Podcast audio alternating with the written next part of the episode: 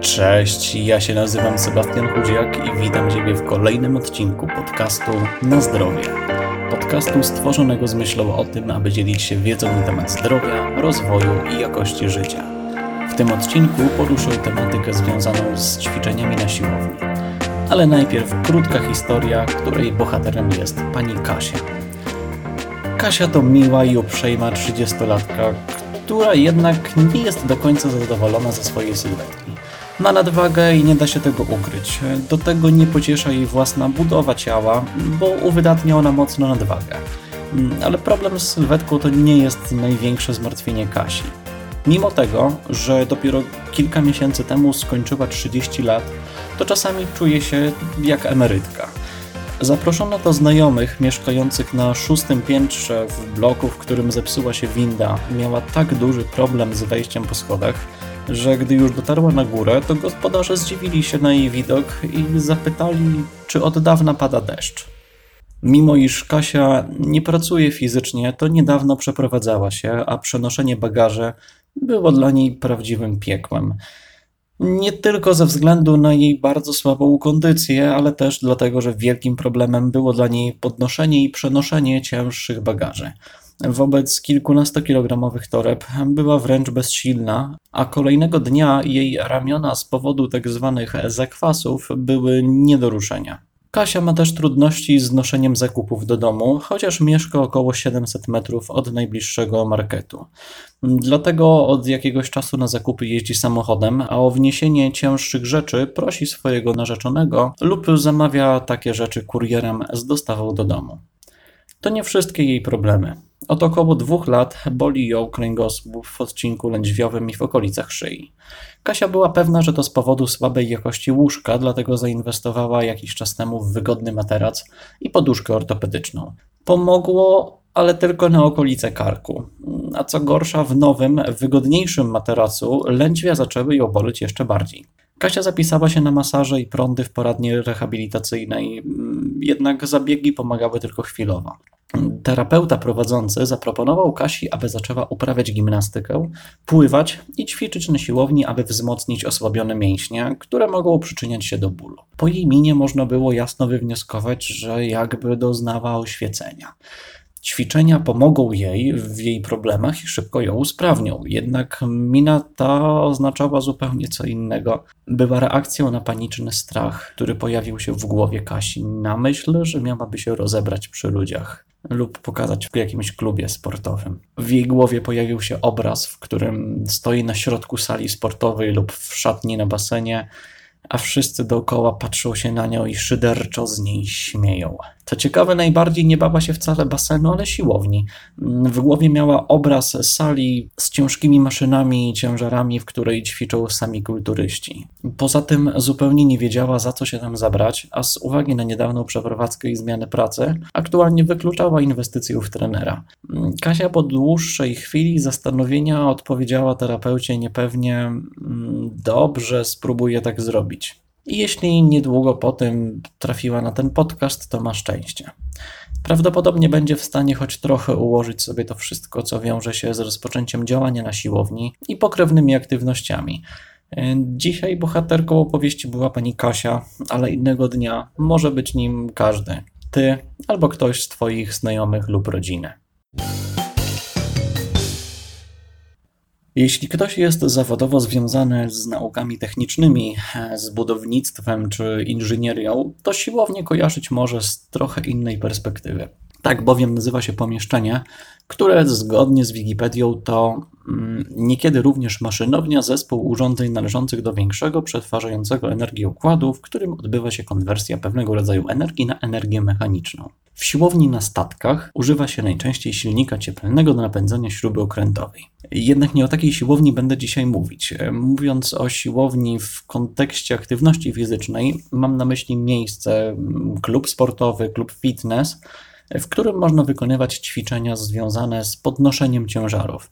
Czy to za pomocą maszyn, czy to sztang, handli, kettlebell, czy też różnego rodzaju ciężkich worków, piłek, opon i tym podobnych.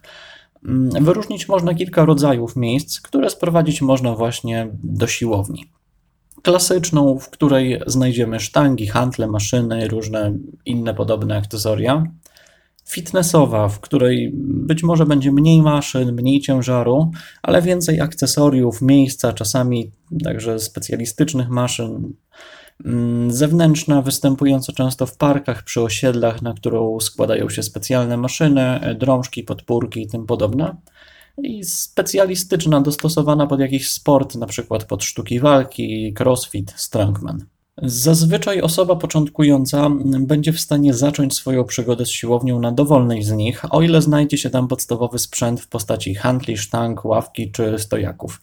Tak więc w skrócie, siłownia to dowolne miejsce, w którym możemy ćwiczyć z ciężarami. Od razu jednak trzeba zaznaczyć, że pomiędzy 1 kg a 100 kg jest dość dużo wyboru pomiędzy.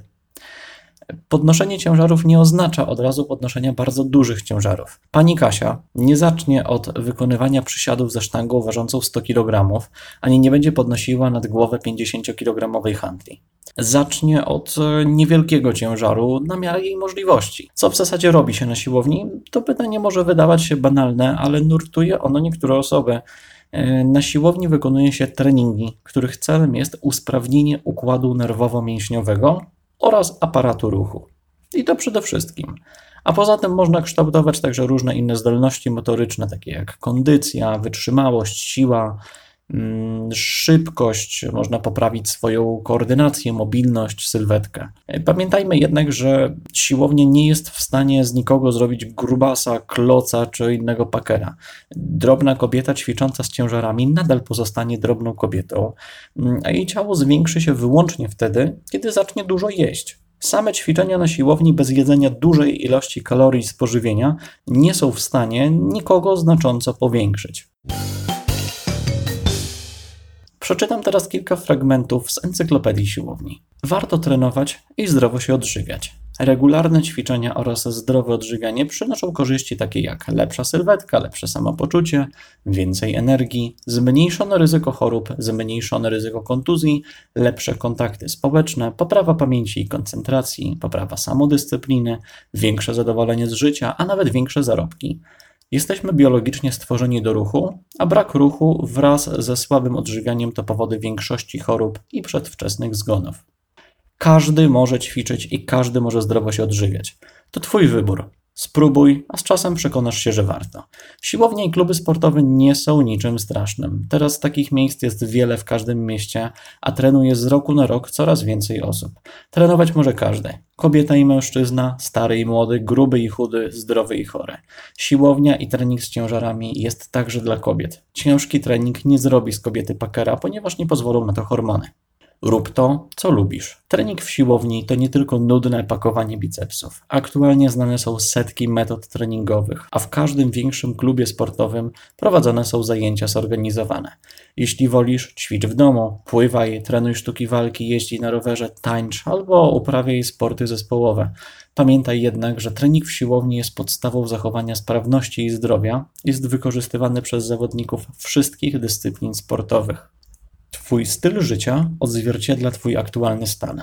Jeśli chcesz tylko schudnąć albo tylko nabrać trochę mięśni i kondycji i zamierzasz trenować przez pół roku, to Twoje efekty utrzymają się przez pół roku. To, jak wyglądasz, jak się czujesz, to odzwierciedlenie tego, co aktualnie robisz. Nie przechodź na dietę odchudzającą. Zmień na stałe nawyki żywieniowe, aby na stałe cieszyć się sobą i swoim zdrowiem każdy element niezdrowego stylu życia, jak e, imprezy czy używki, nie przekreśla, ale znacząco zmniejsza osiągane przez ciebie efekty. Nie musisz się przemęczać. Jeśli nie chcesz startować w zawodach czy mieć sylwetki greckiego boga, nie musisz męczyć się z dokładnym liczeniem kalorii i idealnym, perfekcyjnym treningiem. Już kilka podstawowych zmian da Ci możliwość zmiany sylwetki oraz poprawy sprawności fizycznej i jakości życia na lepsze. Wprowadzenie pozytywnych zmian doda Ci energii i sprawi, że będziesz męczyć się o wiele mniej. To także wiele nie kosztuje. Zdrowe odżywianie nie jest drogie, a koszty treningu zamykają się niemal całkowicie w cenie karnetu na siłownię lub sprzętu do ćwiczeń w domu. Nie musisz kupować żadnych suplementów ani innych dodatków. Jeśli chcesz poprawić wygląd sylwetki, musisz zazwyczaj zmniejszyć masę tłuszczu oraz zwiększyć masę mięśni. Początkująca osoba może jednocześnie pozbywać się tłuszczu i zwiększać masę mięśni, jeśli prawidłowo się odżywia oraz wykonuje ćwiczenia siłowe. Jeśli masz dużą nadwagę, skup się najpierw na pozbyciu się jej. Twoim celem będzie więc z początku redukcja masy ciała. Jeśli jesteś szczupłą osobą, to Twoim celem jest zwiększenie masy mięśniowej, niezależnie od tego, czy jesteś mężczyzną czy kobietą. Oba te cele osiągniesz trenując w siłowni lub wykonując dowolne ćwiczenia ogólnorozwojowe, a główną różnicą powinno być spożywanie mniejszej lub większej ilości jedzenia. Jedno z najczęściej nurtujących ludzi pytań to to, czy na siłowni mogą ćwiczyć kobiety, osoby starsze czy dzieci. Odpowiedź jest prosta. W większości przypadków nie tylko mogą, ale wręcz powinni. Jedyne odstępstwo może być w przypadku młodych dzieci mniej więcej do 8-10 roku życia.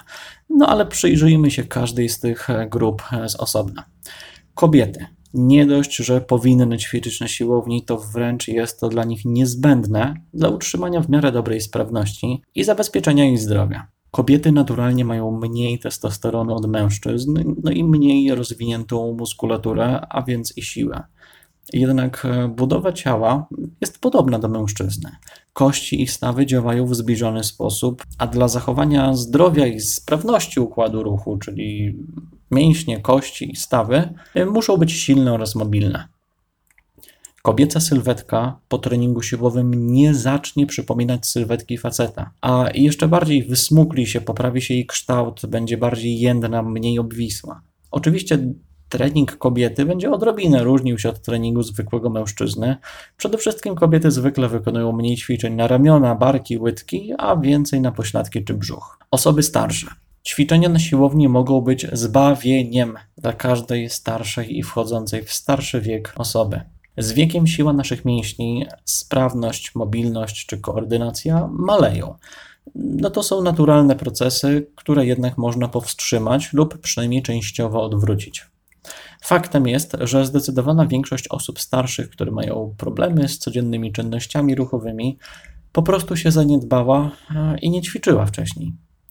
Tylko nieliczne osoby tracą sprawność za pośrednictwem poważnej e, choroby lub kontuzji. Jeśli nie wierzysz, to przejdź się po e, przychodni albo w innym miejscu, gdzie łatwo jest e, znaleźć starsze, zgarbione, powolne osoby i zapytaj je, jak w ciągu ostatnich 30 lat życia dbały o swoją aktywność fizyczną i sprawność.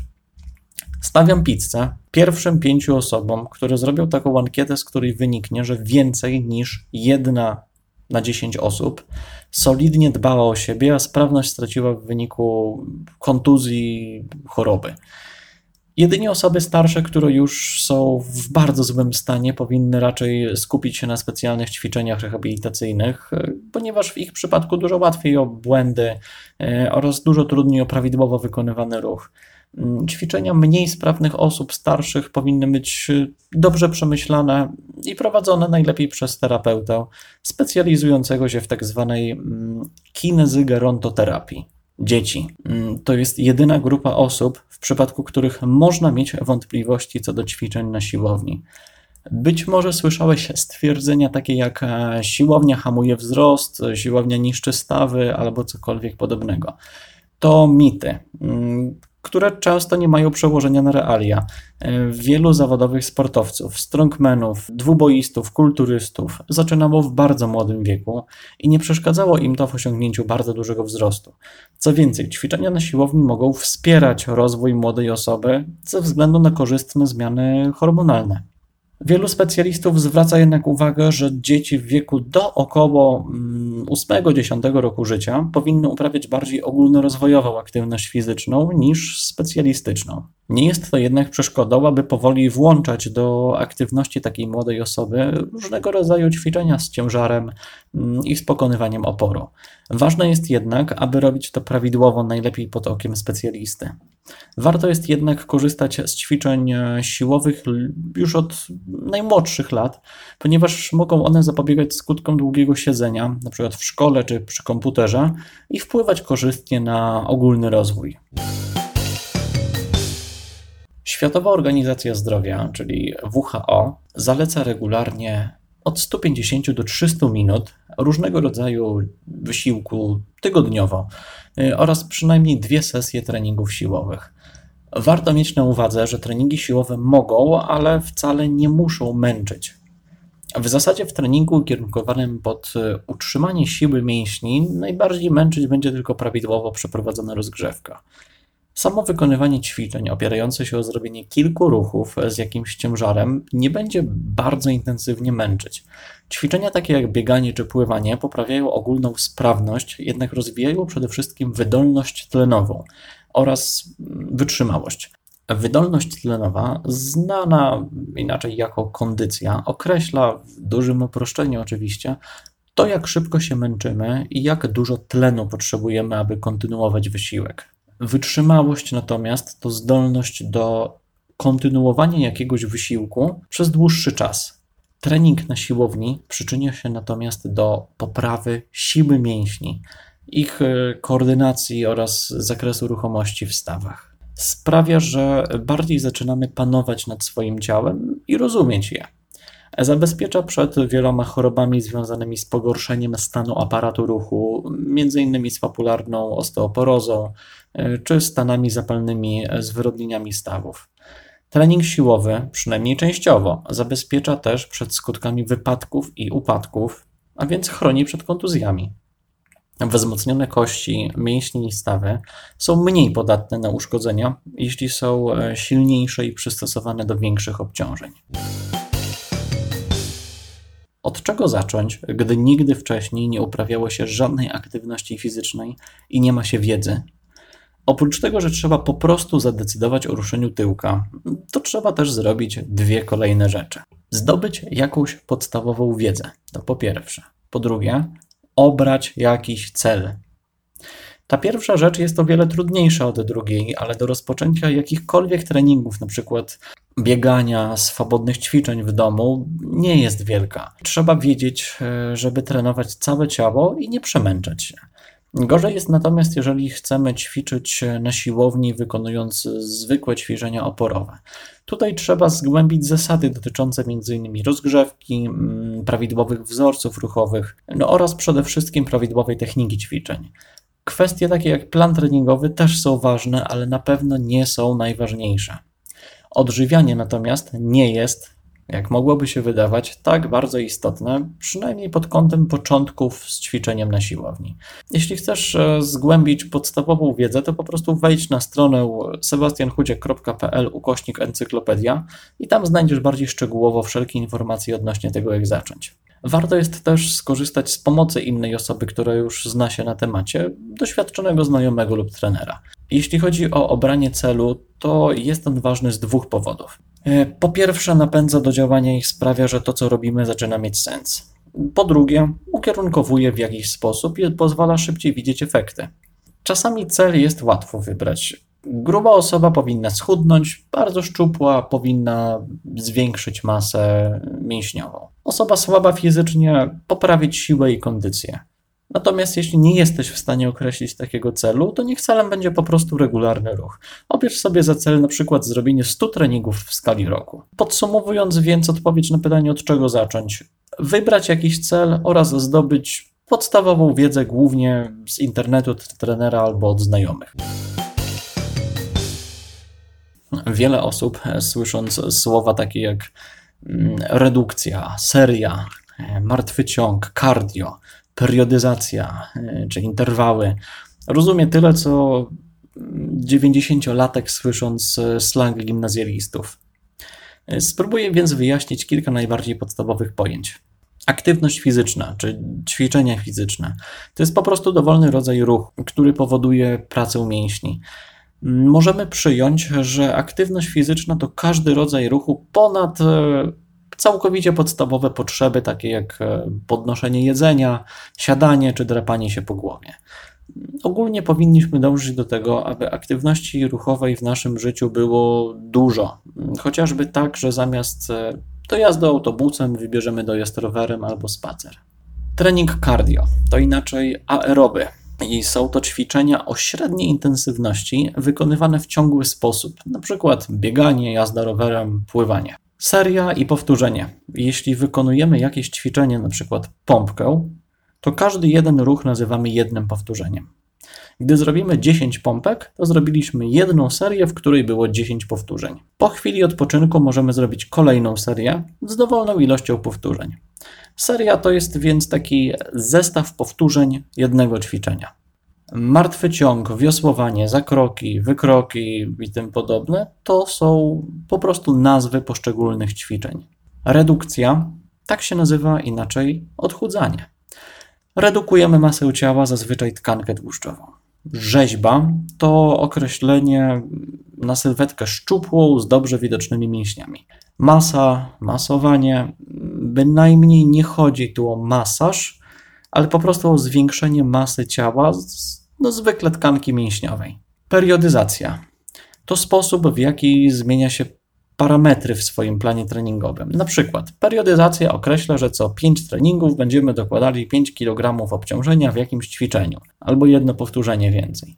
Plan treningowy e, są to wytyczne, jakich będziemy przestrzegać ćwicząc. Plan może określać, e, kiedy trenujemy, jakie ćwiczenia wykonujemy, jak często, z jakim ciężarem i tak. Interwały to sposób intensywnych ćwiczeń, w których naprzemiennie przez jakiś czas, przykład 30 sekund, wykonujemy intensywne ćwiczenia, a później 30 sekund odpoczywamy i tak naprzemiennie kilka razy. Czas ten oczywiście może się zmieniać. Tabata to rodzaj interwałów, w którym robimy intensywne ćwiczenie przez 20 sekund, odpoczywamy 10 sekund i tak przez 4 minuty. Wolne ciężary to określenie na sprzęt treningowy, który nie jest maszyną, czyli po prostu sztangi, hantle, kettlebell i tym podobne. Sztanga to ten e, długi kijek, na który zakłada się obciążenie. Hantla, sztangielka to w zasadzie to samo co sztanga, tylko mniejsze do chwytania jedną ręką.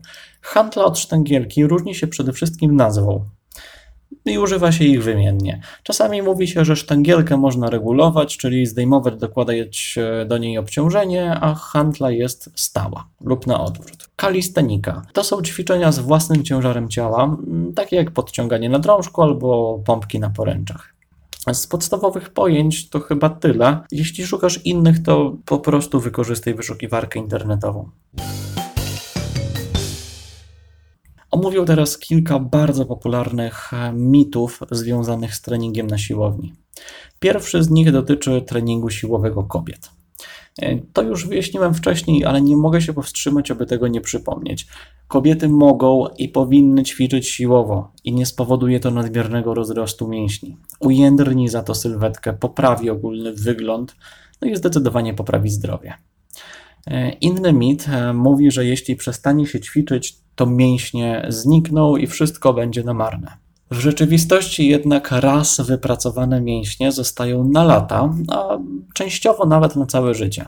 W przypadku przerwy od treningów e, będą się stopniowo osłabiać, ale kiedy będzie to potrzebne, będą niemal od razu zdolne do bardziej intensywnej pracy. E, a w przypadku powrotu do ćwiczeń powrócą do pełni siły o wiele szybciej. Mitem jest twierdzenie, że trzeba ćwiczyć bardzo ciężko. Przynajmniej w odniesieniu do osób początkujących, bardzo dobre efekty uzyskamy ćwicząc umiarkowanie. Bardzo ciężkie treningi od samego początku mogą natomiast doprowadzić do przetrenowania. Warto zacząć spokojnie, a intensywność zwiększać dopiero kiedy poznamy swoje ciało. Żeby mieć efekty z treningu, nie trzeba stosować diety. To fakt, nie mit. Omówię go trochę później. Natomiast mitem będzie twierdzenie, że aby pojawiła się tak zwana kratka na brzuchu, trzeba ćwiczyć brzuch. Aby odsłonić sześciopak, trzeba po prostu schudnąć. Tłuszcz można zamienić w mięśnie. To mit. Spalanie tłuszczu i budowanie mięśni to dwa niezależne od siebie procesy. Jednak u osób początkujących mogą zachodzić jednocześnie. Inny mit to myślenie, że jeśli będę ćwiczył jak znany sportowiec, to będę miał wyniki takie jak on. Niestety różnimy się od siebie silnie między sobą. Mamy inną genetykę, inne predyspozycje, inne organizmy. Robiąc to samo, możemy mieć tylko niewielkie efekty względem kogoś innego. Jedna osoba może po roku wyglądać świetnie, po drugiej nie będzie widać, że ćwiczy. No, trzeba to zaakceptować i robić swoje. Efekty prędzej czy później się pojawią. Znaczy, trzeba ćwiczyć przynajmniej trzy razy w tygodniu, aby były efekty? Nie. To kolejny mit. Jeśli wykonasz jeden trening, nawet raz na dwa tygodnie, to będzie lepiej niż nie trenując wcale. Sprawdzałem to e, między innymi w mojej pracy magisterskiej. Można ją znaleźć na mojej stronie. E, większa regularność to lepsze efekty, ale nawet okazjonalne, sezonowe e, treningi są lepsze od nic nie robienia. Mitem jest także myślenie, że trzeba czuć trenowany mięsień, aby ten się powiększał. Nie trzeba czuć danej partii mięśniowej, a mimo tego może ona intensywnie pracować. Wystarczy wykonywać poprawnie ćwiczenia. Ostatni mit dotyczy suplementów. Wielu osobom, szczególnie początkującym, wydaje się, że są one niezbędne lub bardzo znaczące dla rozwoju sprawności i sylwetki dzięki siłowni. To mit. Suplementy to niewiele znaczący dodatek, bez którego można się obejść. Odpowiadają może za 10% całkowitego efektu. Cała reszta to odpowiedni trening oraz optymalne żywienie. Przejdźmy do ważnego pytania: czy siłownia jest bezpieczna? Wiele mówi się o tym, że można się uszkodzić, połamać, zniszczyć sobie stawy, zerwać mięśnie, zostać kaleką. Powiem tylko tyle, że to nie trenując dużo łatwiej jest zniszczyć sobie zdrowie i zostać kaleką. Nawet nie do końca poprawny trening ze słabą techniką będzie często przynosił więcej dobrego niż złego. Szczególnie jeśli spełnimy dwie zasady. Jeśli jesteś osobą sprawną, bez bólów, w trakcie lub po ćwiczeniach ból też się nie pojawia, i druga, jeśli nie popisujesz się ciężarami, nie sprawdzasz ile maksymalnie podniesiesz, po prostu wykonujesz ruchy z umiarkowanym ciężarem, zachowując nad nimi kontrolę.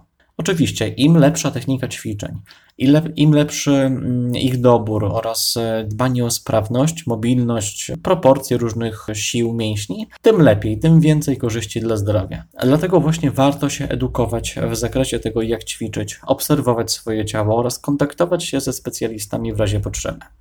Siłownia jest bezpieczna zarówno dla młodych, jak i starszych osób, poza nielicznymi tylko wyjątkami. Ćwiczenia zabezpieczają ciało przed kontuzjami, przed degeneracją stawów, przed osłabieniem kości. Wystarczy tylko wiedzieć, co się robi.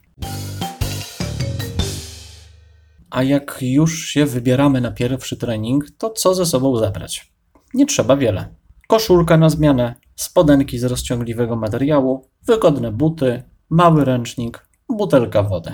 To zazwyczaj wystarcza. Większość siłowni ma dostępne prysznice, więc po treningu można się umyć. Warto więc wziąć jeszcze klapki, duży ręcznik i żel do mycia.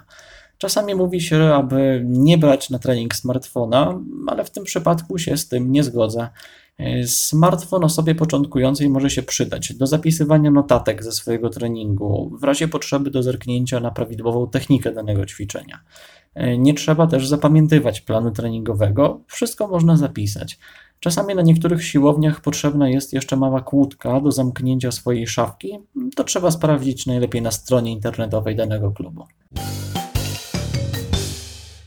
Pracując jako trener, bardzo często spotykam się z sytuacją, w której początkująca osoba boi się pójść do klubu sportowego. Obawy są przeróżne. Strach przed wyśmianiem, oceną, niewiedza co robić, obawa przed y, rzekomym zagrożeniem od większych i silniejszych osób, strach przed kontuzją itd. Tak Obawy te zazwyczaj są bezpodstawne lub łatwe do pokonania. Klubach sportowych naprawdę rzadko zdarza się sytuacja, by ktoś śmiał się z czyjejś sylwetki. Ludzie bardzo zaniedbani są często szanowani za to, że w końcu postanowili coś ze sobą zrobić. Idziesz na trening po to, aby się zmienić.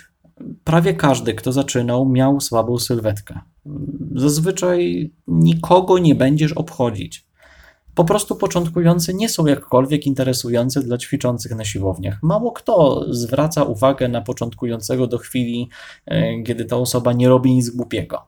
A to wiąże się z kolejnym punktem, czyli nie wiedzą, co robić. Jak tłumaczyłem wcześniej, aby skutecznie wystartować, warto jest obrać jakiś cel oraz zdobyć podstawową wiedzę. Wiedzę możemy zdobyć samodzielnie, korzystając z internetu lub dzięki pomocy kogoś, kto się zna. Wszystko zależy od naszych możliwości. Jeśli chcesz poświęcić więcej czasu, poszukaj wiedzy samodzielnie. Jeśli szukasz rozwiązania bezpłatnego lub taniego, średniej efektywności, poproś o pomoc znajomych, którzy trenują. Jeśli natomiast możesz pozwolić sobie na pewien wydatek w zamian za kompleksowe i dokładne przekazanie wiedzy i nauczenie, poproś o pomoc trenera. Obawa przed rzekomym zagrożeniem jest w dzisiejszych czasach wręcz bezpodstawna. W żadnym klubie sportowym, nawet w klubach sztuk walk, nie spotkasz się z większą agresją.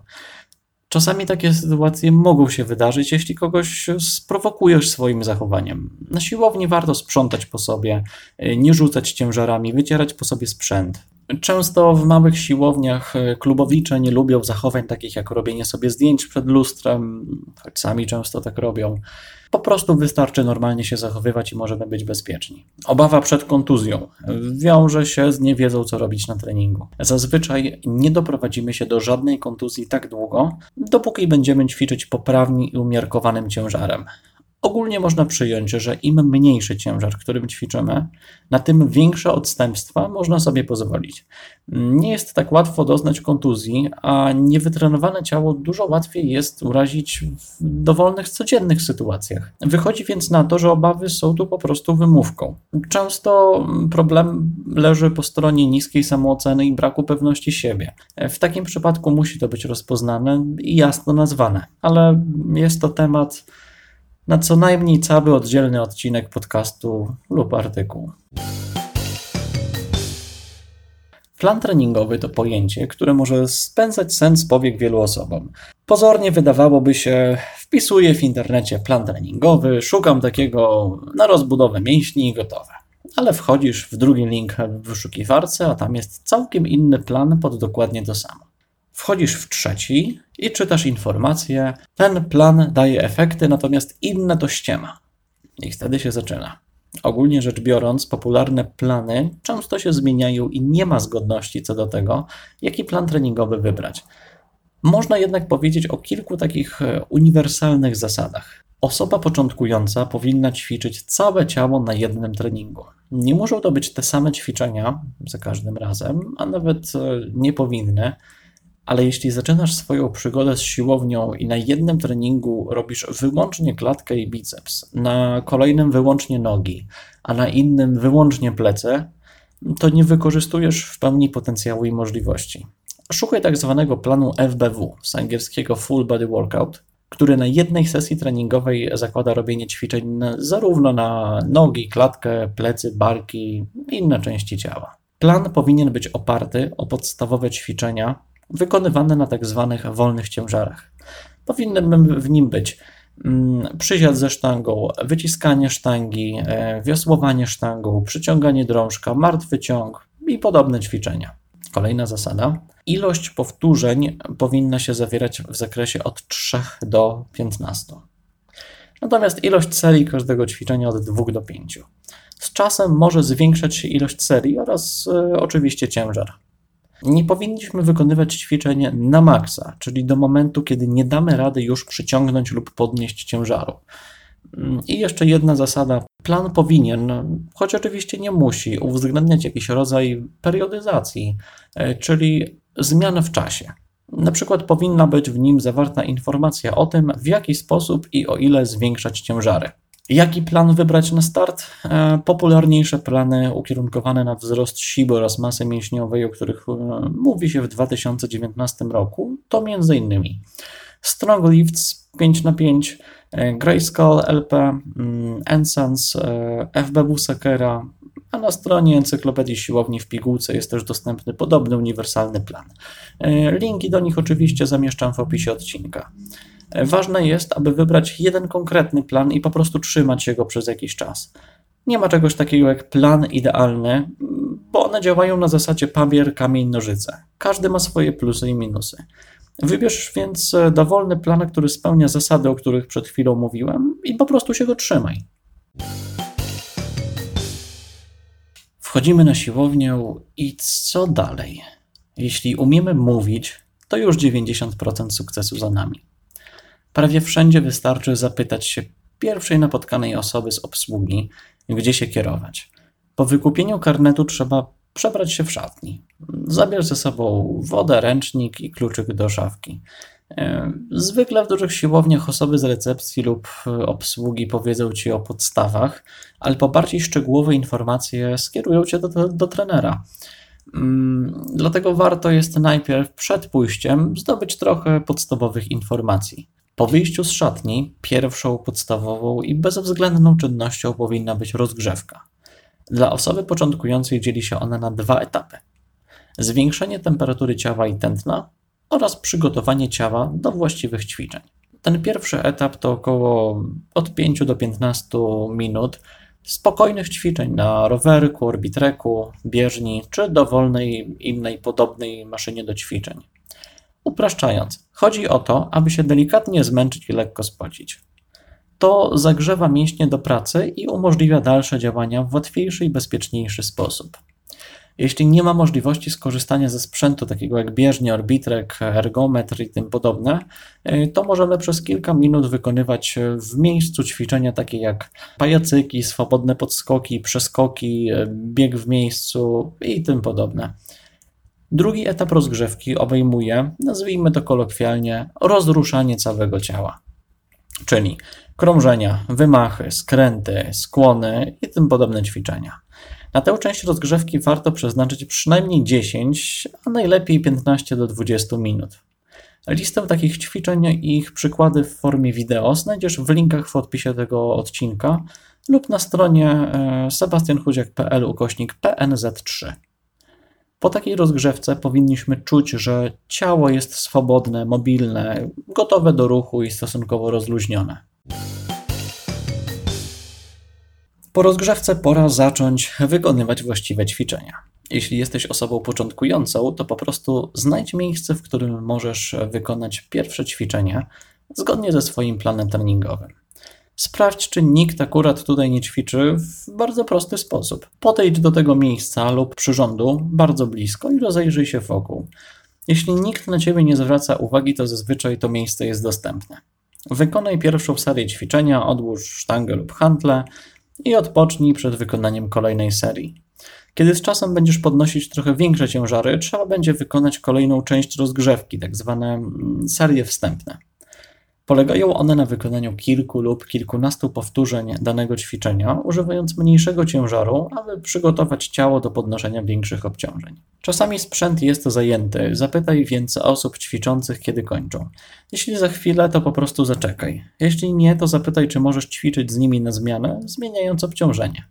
Jeśli nie, wykonuj inne ćwiczenie, a do tego wróć, kiedy zwolni się miejsce.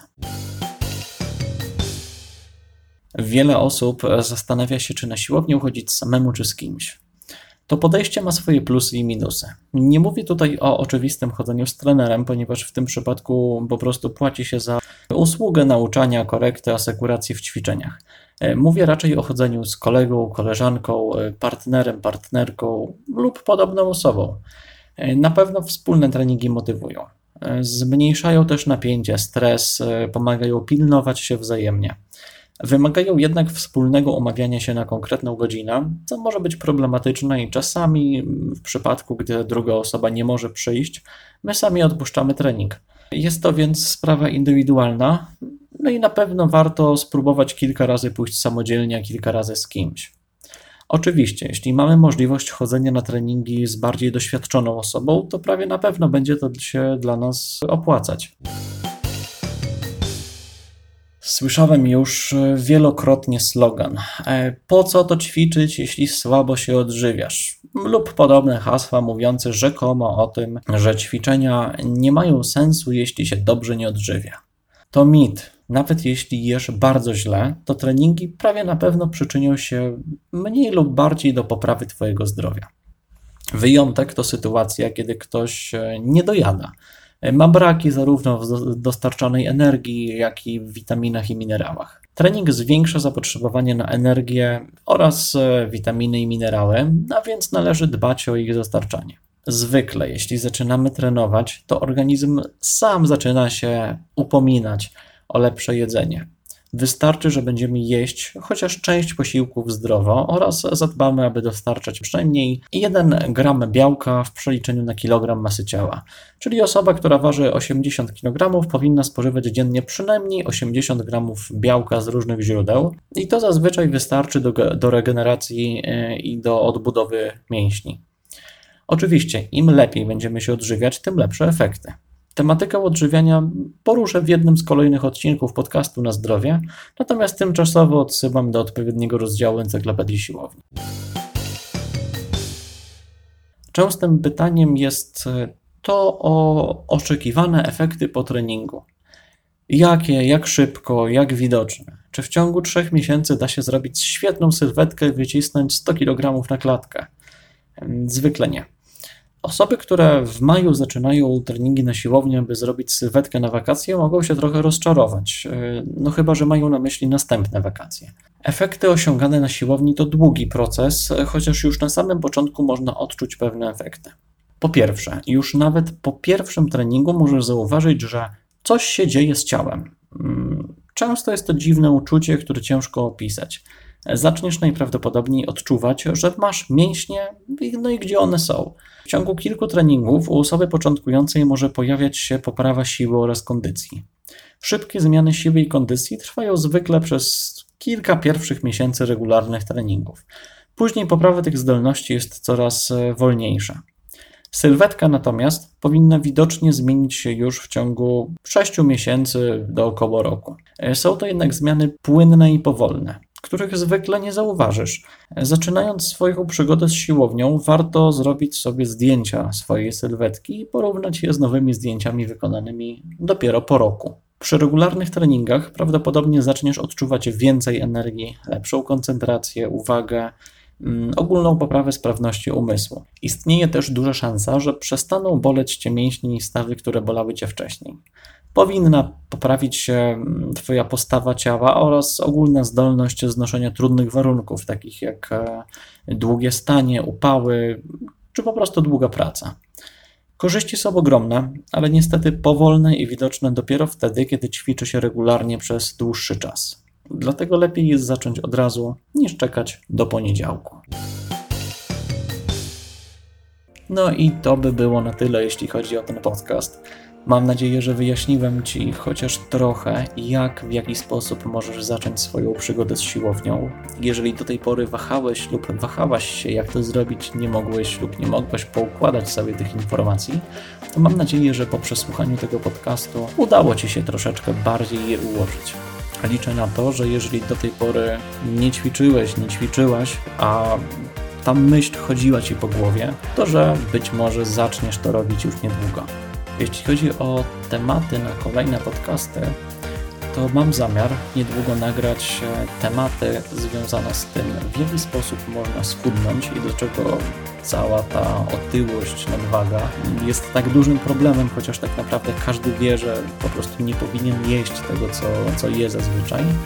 Mm, oraz temat związany z tym, w jaki sposób skutecznie analizować, wyszukiwać informacje w internecie. Dlaczego? Dlatego, że w internecie teraz możemy znaleźć wszystko. Większość osób, które próbują znaleźć jakąś e, informację na temat, na który po prostu wcześniej nie mamy zbyt dużej wiedzy, mają ogromny problem. Dlaczego? Dlatego, że w internecie po prostu znajdują się artykuły, filmy czy przeróżne inne informacje, które są często ze sobą sprzeczne. Pojawiają się przykłady, które bazują na pewnych błędach logicznych i błędach poznawczych. I umiejętność odpowiedniej selekcji, analizy, wybierania tych informacji uważam, że jest niezbędna, jeżeli chcemy rzetelnie poszukiwać informacji z internetu. Tych odcinków możesz spodziewać się już prawdopodobnie za kilka tygodni. A tymczasem życzę przyjemnego dnia lub przyjemnego wieczora.